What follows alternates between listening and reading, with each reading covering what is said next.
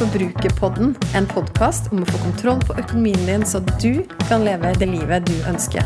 Jeg heter Kjersti Grønseth, er trebarnsmor og økonom, og er kanskje aller best kjent som forbrukerfrue. La oss snakke litt om forbruk, for alt starter med det.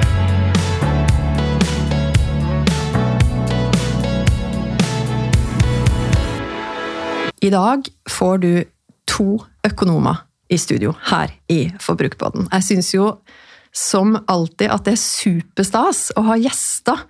Og nå har, det, nå har, jeg ikke hatt så mange gjester i det siste, det gjør det bare enda mer stas. Så i dag så skal jeg da introdusere deg for en av mine favorittøkonomer, som sitter her sammen med meg nå. Første gang jeg så vedkommende var på en L-Invest, et L-Invest-arrangement i november 2018. Det var to uker etter at jeg hadde begynt min eh, karriere som blogger og instagrammer som forbrukerfrue. Og da traff jeg den dama her, som da snakka lidenskapelig om pensjon, og hadde en klar oppfordring at kvinner, vi lever lenger enn menn, og nå må vi sørge for å skaffe oss kunnskap om vår egen pensjon. Så Cecilie Tvedenstrand, hjertelig velkommen i studio i Forbrukerpodden. Tusen takk. Du er jo da spare- og forbrukerøkonom, og siden sist så har du også rukket å blitt programleder i Luksusfellen. Det stemmer. Så jeg introduserte jo med at du er en av mine favorittøkonomer, og du Cecilie, du er jo jeg syns du er skikkelig god på å formidle kunnskap om tema som mange syns er vanskelig og krevende, på en måte som gjør det forståelig. Det er jo det, er jo det jeg prøver å jobbe med, da. Fordi det er nok av stammespråk, og det er nok av fremmedord. Eh, så det handler jo om bare å få det plukka ned til hva det handler om. Veldig bra. Og du, jo også, du har jo vært eh, veldig aktuell i ulike mediesaker den siste tida. Og jeg har jo invitert deg hit nå for å rett og slett høre med deg da, hva, hva, hva er topp fire mest aktuelle tema for din del som det går i nå om dagen? Startet vel egentlig med høye strømpriser og drivstoffpriser. Så kom jo rentemøtet forrige uke. Så nå frykt for alle økte kostnader rundt oss. Det er eh, nesten primært det det er fokus på om dagen. Men så er det heldigvis et lønnsoppgjør som eh, pågår. Eh, mange lurer på hvordan man kan få dra nytte av det. Investeringer er det veldig mange som lurer på om dagen, for nå er det jo svingninger på børsen. Det er mye uroligheter, mye usikkerhet i verden. Og det påvirker jo sparepengene våre også. Og så er det ikke minst skattemeldingen som eh, snart begynner å komme til mailboksen til de aller fleste nå. Så kombinasjonen av tid på året nå og litt sånn den verden vi lever i akkurat nå, det, det kunne ikke vært noe mer spennende tid å være økonom på, kunne det vel? Nei, nå er det veldig spennende. Det er det. Ok, så Cecilie, jeg har jo lyst til at vi skal dykke litt inn i de her fire temaene. da, og De som hører på Forbrukerpodden, er jo i alle mulige livssituasjoner og ulike økonomiske situasjoner også, det vet jeg. Noen eh, har jo ikke vært så påvirka av pandemi, andre har vært det. Noen har, ganske mange, har lån, boliglån, og vil jo da kanskje være påvirka nå av økte renter. Så la oss starte der, da, med de økte rentene, og kanskje også generelt i sånn økning i kostnader. Kan du si litt mer om det? Ja, Det er det som er eh, veldig spesielt. fordi nå er det jo, som du sier, nå er det ekstremt stor forskjell egentlig på økonomien til folk. Vi har vært gjennom en pandemi, mange fikk, ble permittert, de måtte leve på reduserte inntekter en periode. Det er ikke alle som har hatt mulighet til å spare så mye penger i den perioden vi har vært i. Og nå som endelig samfunnet begynner å åpne opp, og vi skal endelig kunne begynne å gjøre ting vi er vant til igjen, så begynner utgiftene å øke. Matkostnadene har jo gått eh, ganske mye opp. Drivstoff, strøm, og så kommer renteøkningene. Og det er veldig mange som har tatt boliglån de siste to åra. De har aldri vært borti annet enn historisk lave renten vi har hatt.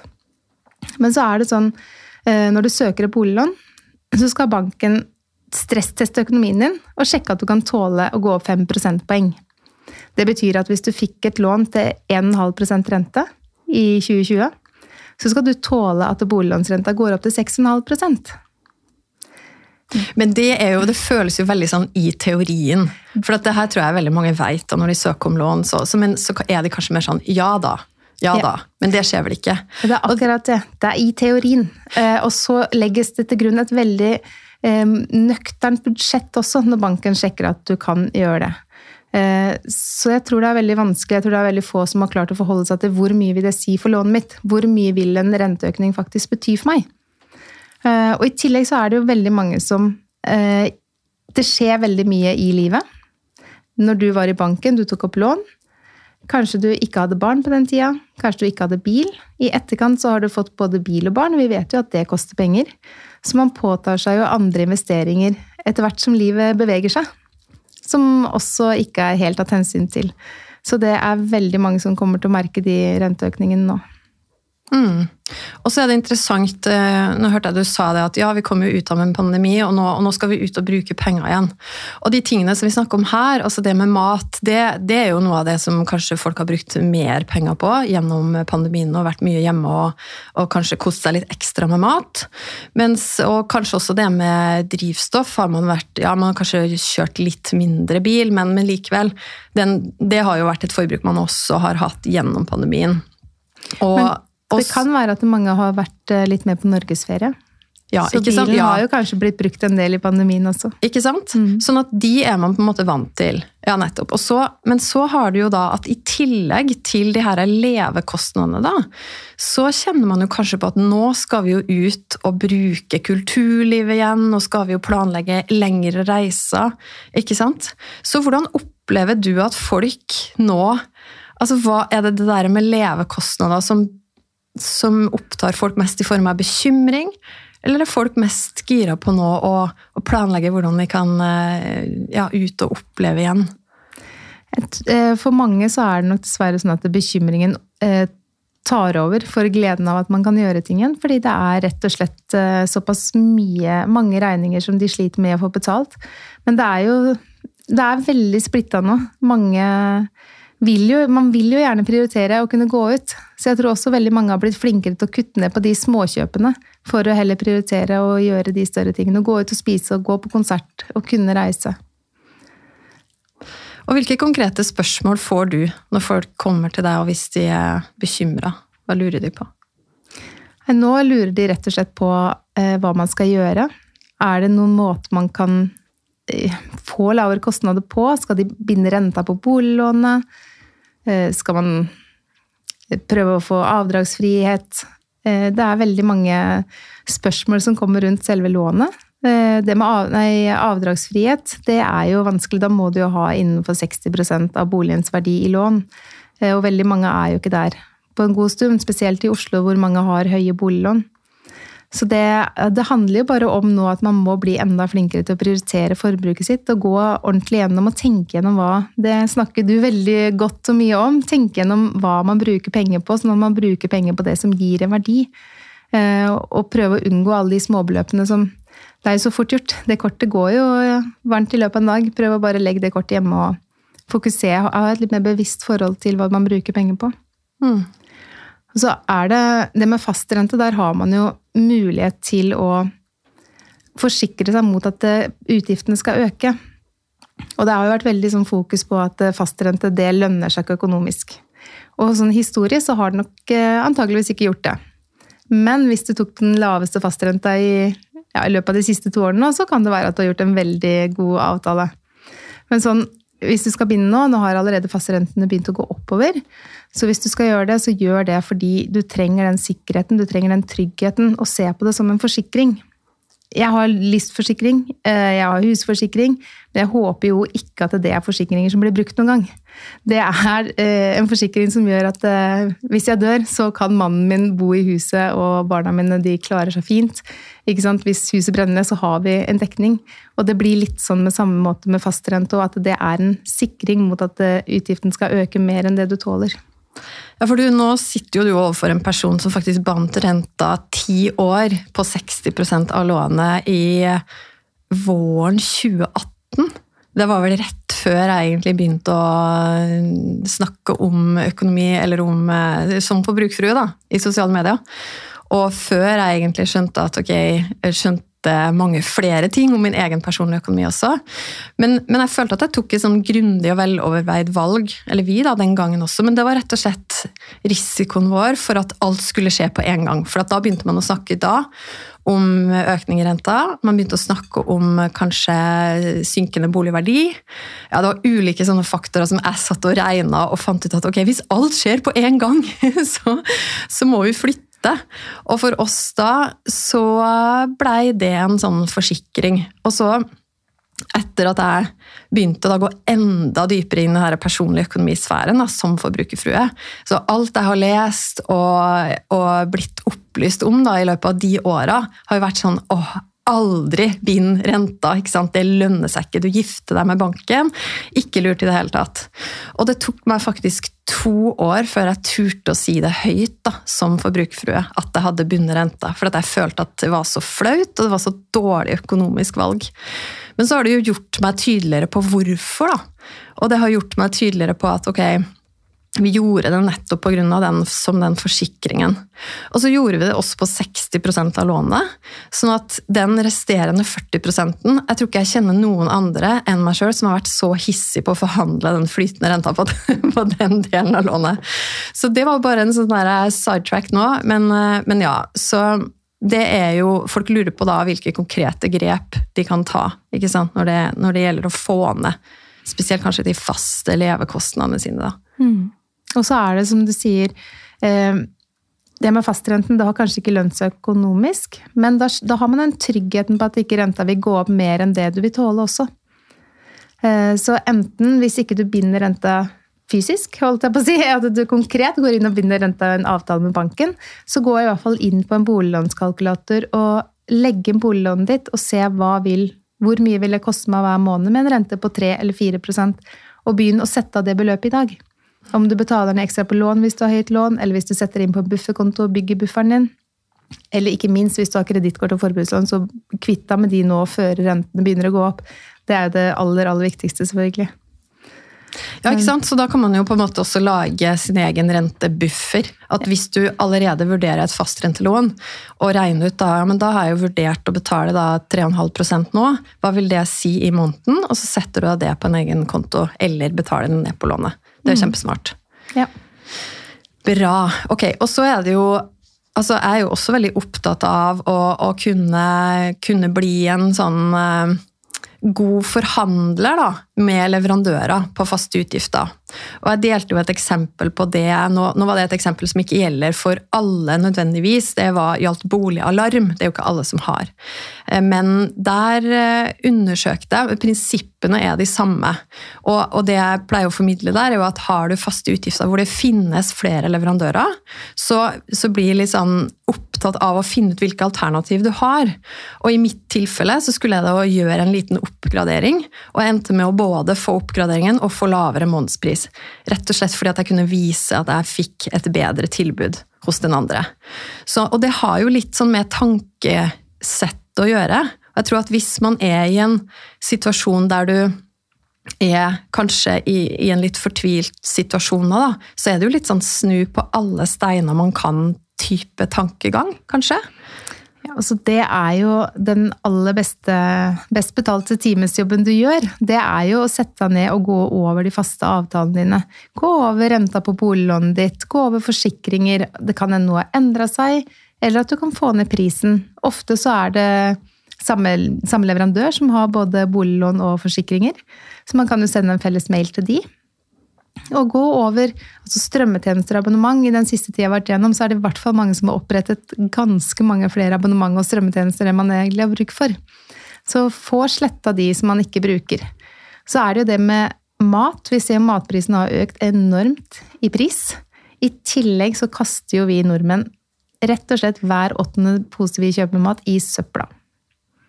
For en gjennomsnittsfamilie så kaster de mat for 1500 kroner i måneden. Det er mye. Ja. Det er eh, altså økonomisk helt hørt i huet, men det er jo forferdelig med tanke på miljøet også.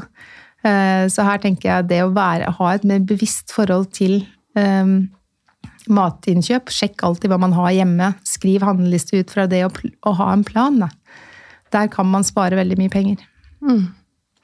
Ja, og jeg pleier å kalle det med planlegging og prioritering litt sånn to superferdigheter.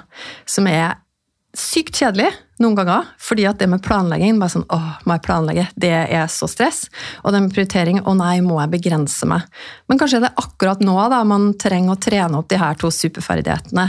Og så er det ikke så vanskelig egentlig.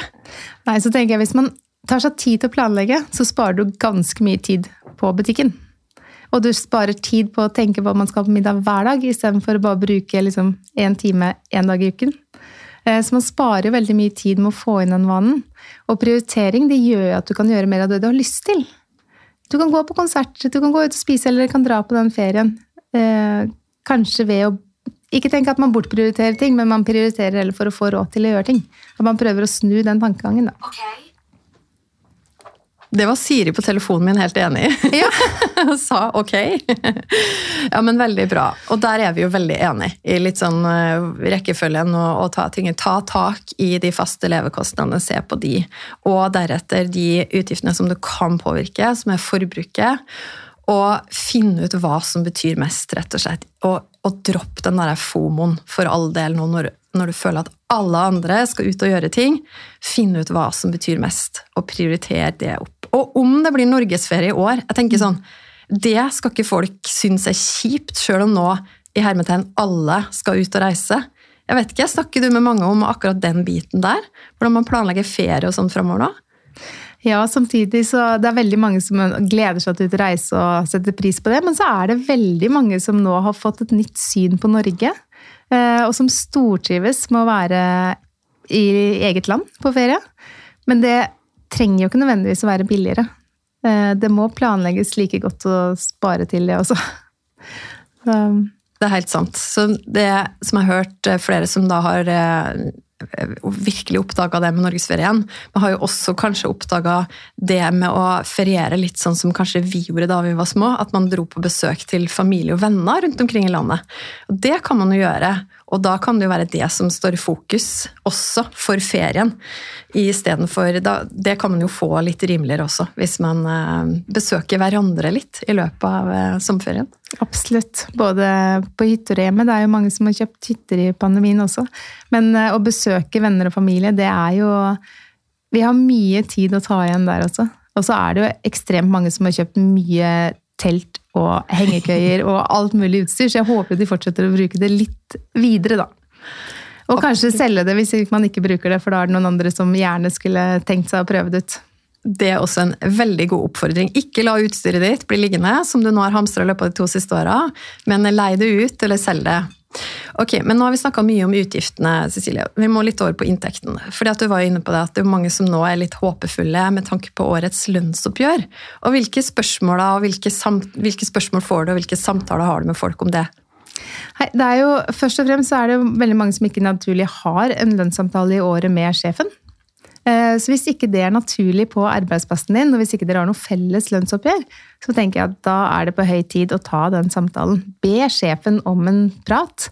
Eh, det verste man kan få, er nei, men eh, de aller fleste bør være veldig velinnstilt til å ta en lønnssamtale årlig. Og så er det jo det med sentralbanksjefen. Hun var veldig opptatt av at nå er det veldig mange som har spart mye penger i løpet av pandemien. Og og at eh, lønnsoppgjøret kommer til å bli veldig bra. Og det er jo de tingene som har basert eh, seg på at vi skal kunne tåle renteøkningene. Så da er det jo viktig at lønnsforhandlingene nå leverer til forventningene. Så jeg tenker hvis ikke det er noe fellesoppgjør, så ta kontakt. Og når du skal ha en lønnssamtale, så må du være veldig godt forberedt. Ikke ta det på sparket, eller ikke ta det på gitt.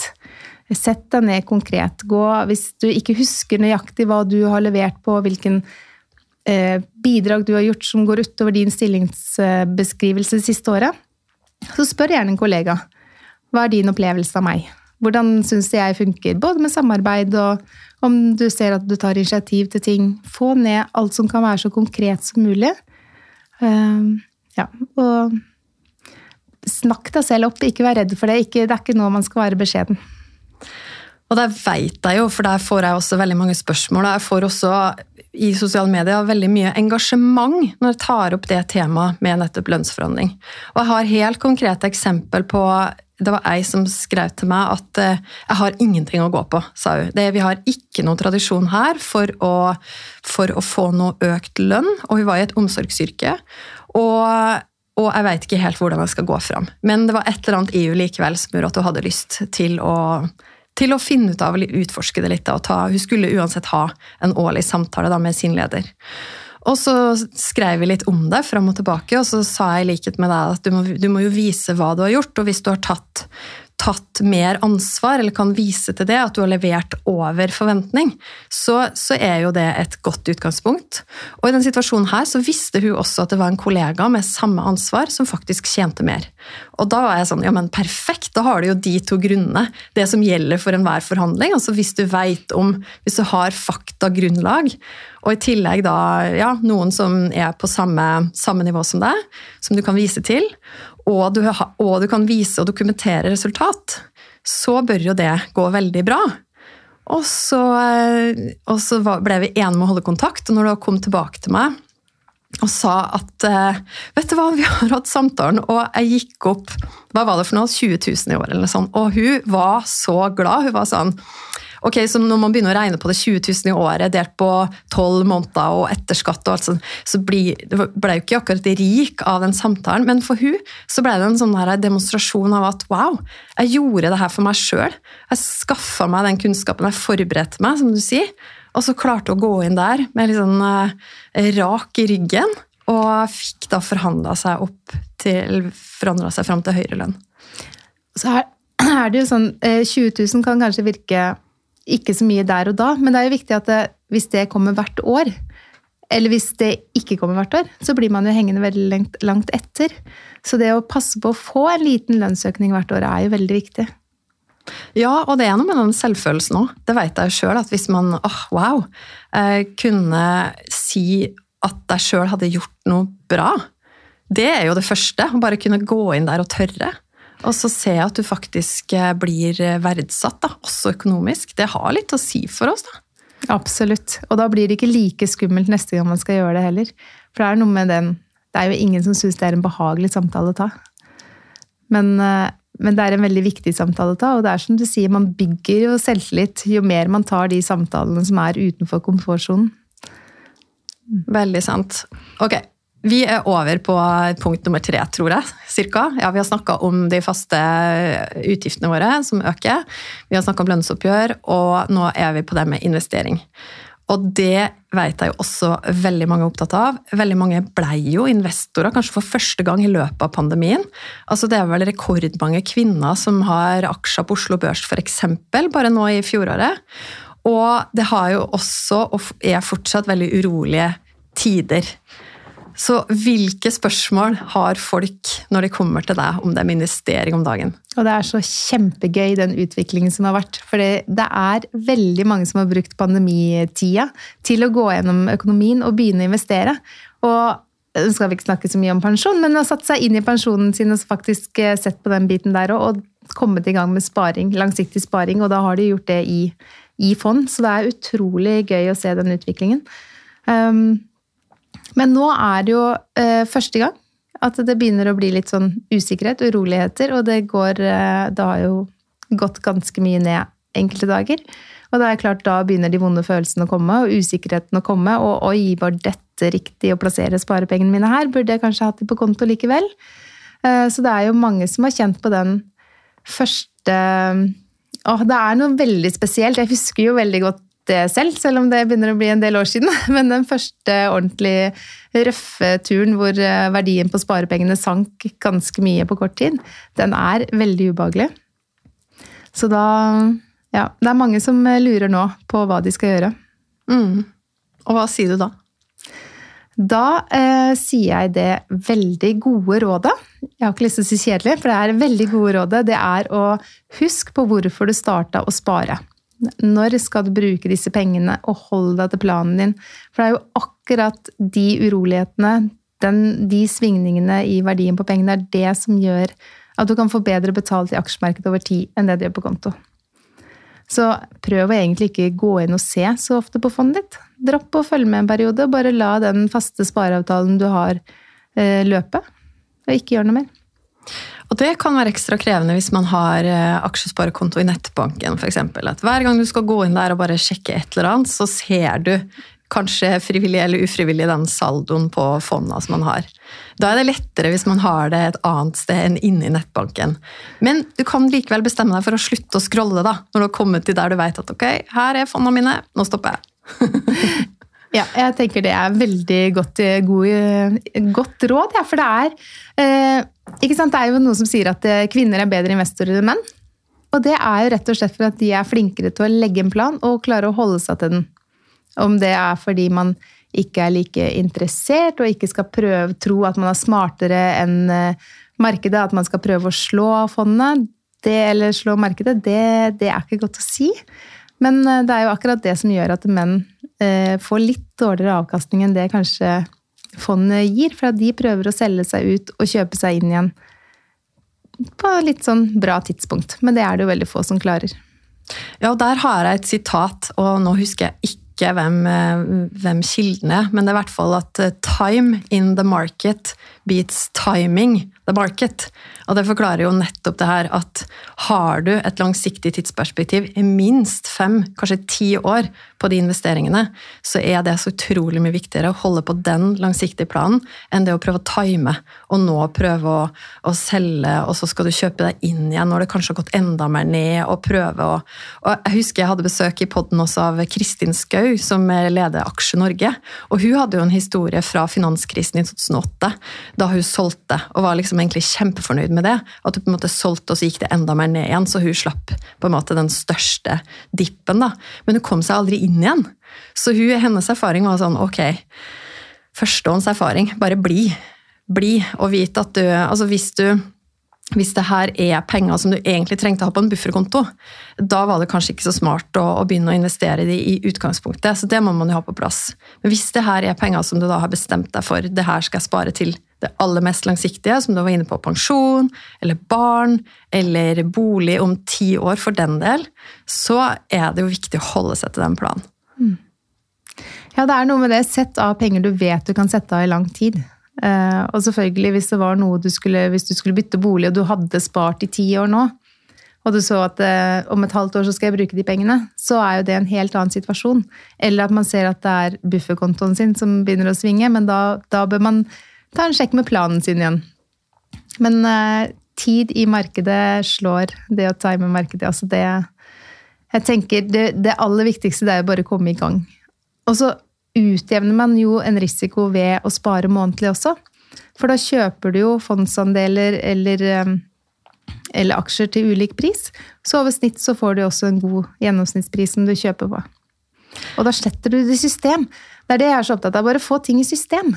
Så slipper du å tenke over ting. Alt som er satt i system, det bare løper den dagen du får lønn, da.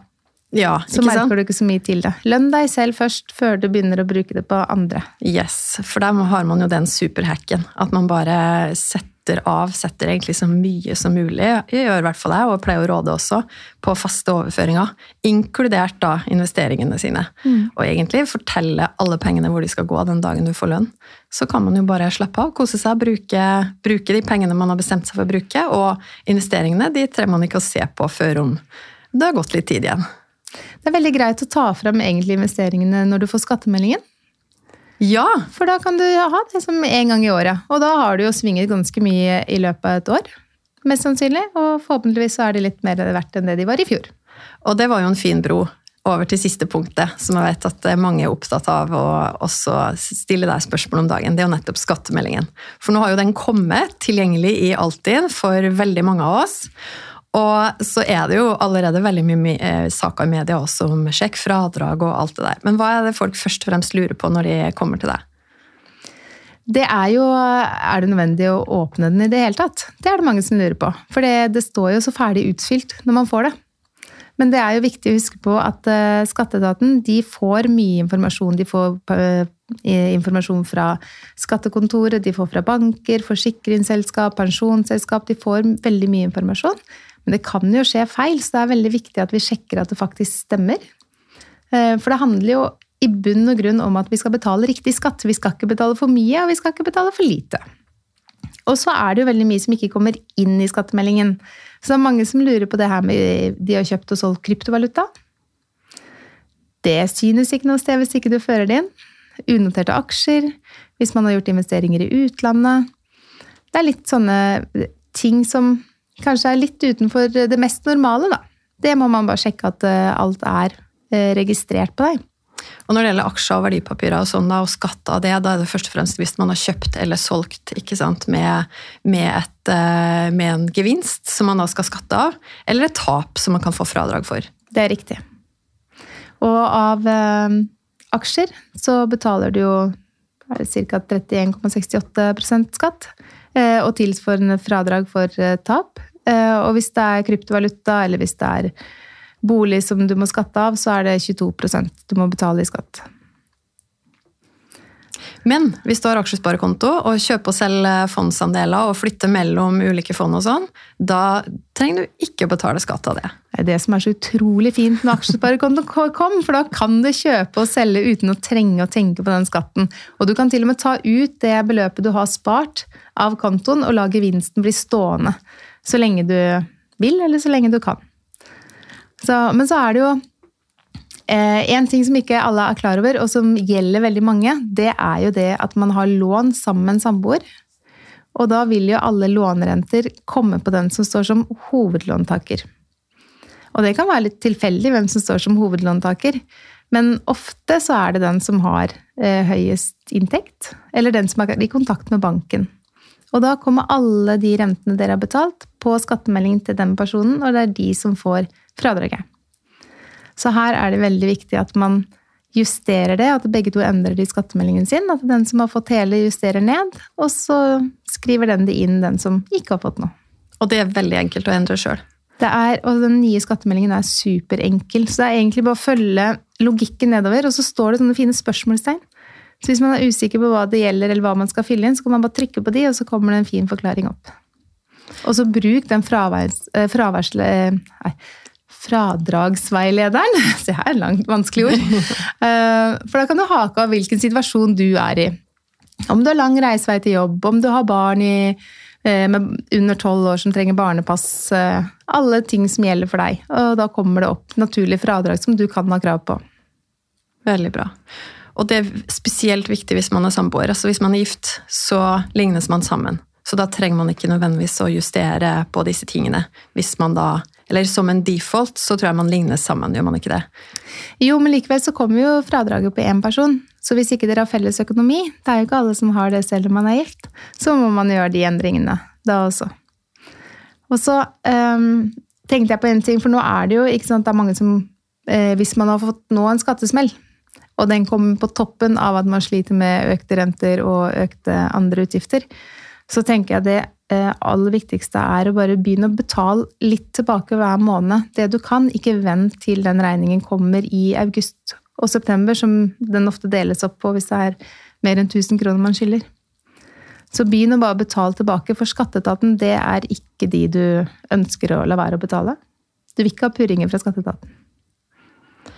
Det er et veldig godt råd. Og det eh, Jeg merker jo nå da at eh, i en sånn situasjon som vi er i nå, og som veldig mange befinner seg i, med bekymringer og reelle bekymringer for økte faste kostnader, hvis du da i tillegg får restkatt på toppen av det, så kan det hende at noen må gjøre noen skikkelig, skikkelig tøff, eh, tøffe prioriteringer for f.eks. den sommerferien. Og, og så, jeg bare fikk så lyst til å si det, at, for det kommer jo Mange, mange får jo um, feriepenger i mm. mai-juni.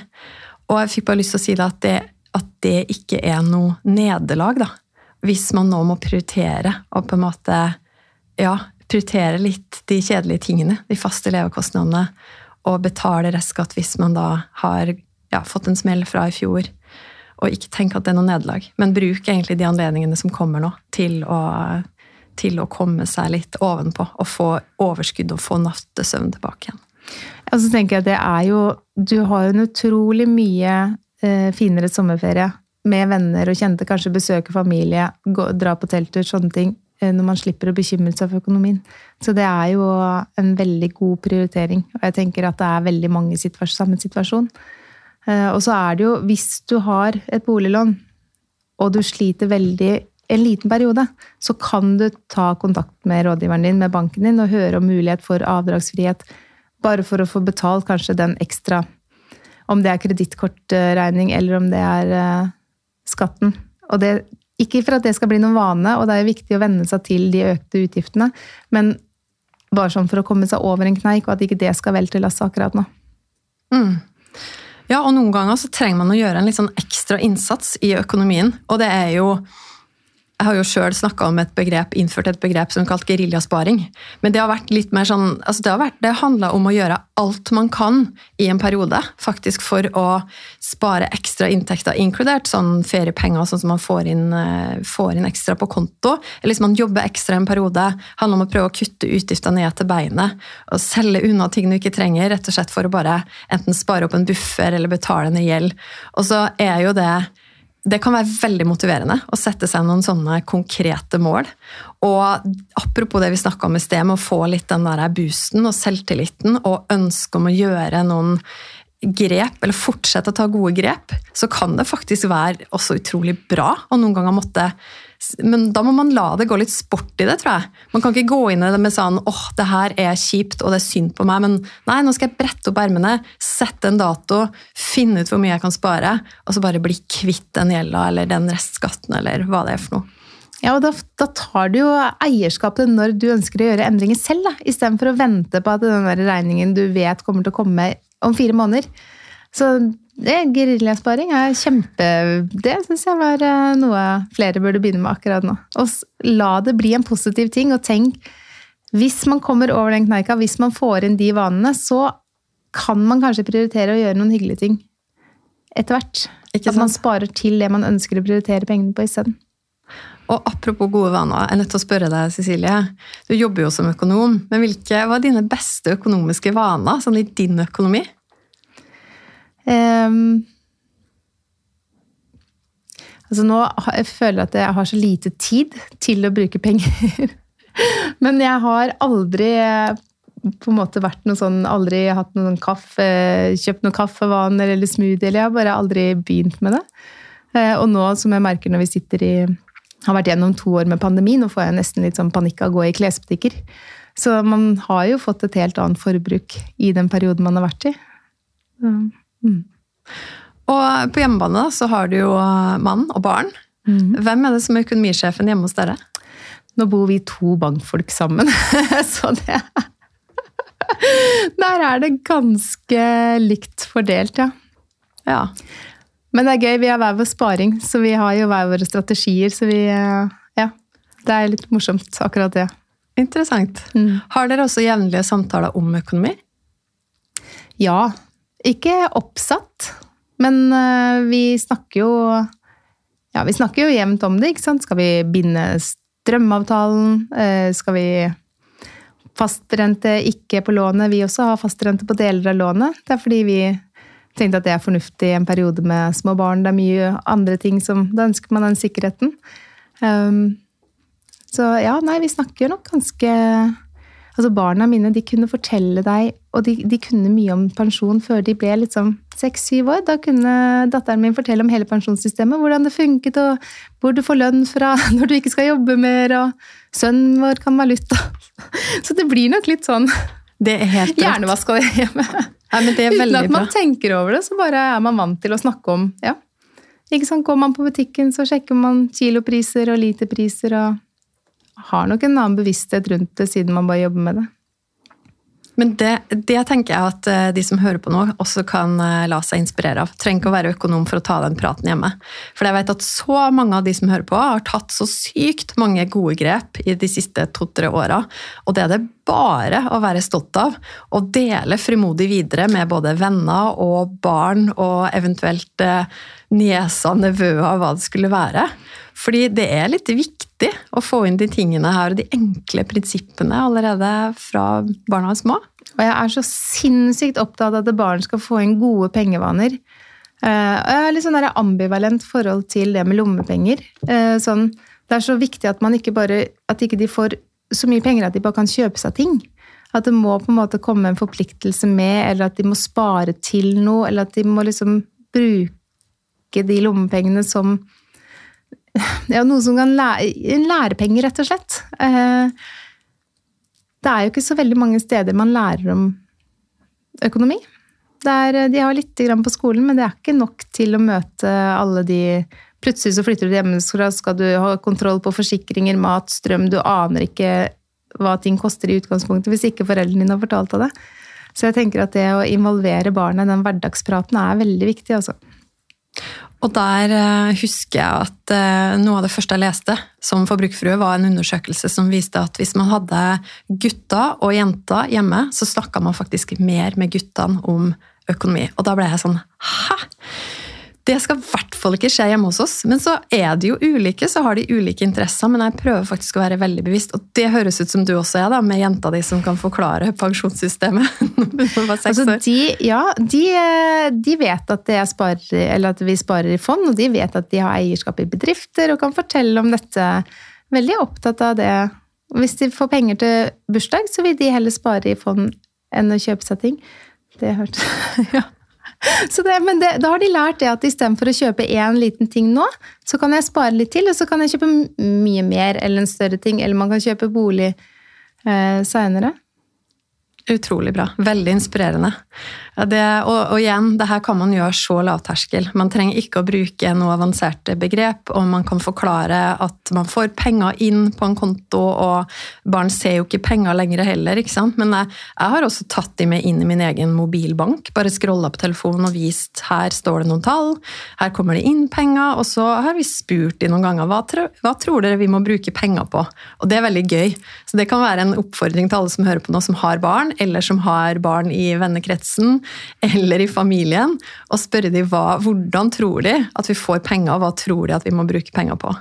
Det, det kan være en kul oppgave, og så se hva som eh, kommer av svar. Ja, det er en veldig kul oppgave.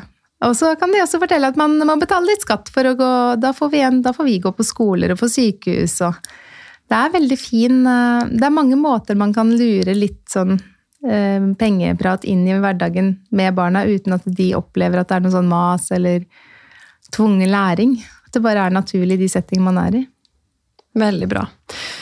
Da skal vi straks gå inn for landing av denne episoden. Cecilie, det har vært så fint å ha deg i studio. Vi har jo vært innom så utrolig viktige temaer. Vi har snakka om inn på konto, ut av konto, investeringene våre. Vi har snakka om skatt. Og vi har også snakka om hvordan man kan gjøre økonomi til et naturlig samtaletema hjemme. Så tusen takk for all inspirasjon som du deler. Og masse lykke til med alle debatter du er med på om dagen, og det som du formidler av de viktige økonomiske temaene. Tusen takk for at jeg fikk komme. Jeg vil gjerne vite hva du tenker etter å ha hørt episoden. Så koble med meg på Instagram. Der finner du meg som forbrukerfrue. Send meg en melding. Tagg meg gjerne i Story og del episoden her hvis du likte den. Eller send meg spørsmål. Og husk å abonnere på podkasten Forbrukerpodden, så får du beskjed hver gang det kommer en ny episode. Vi høres!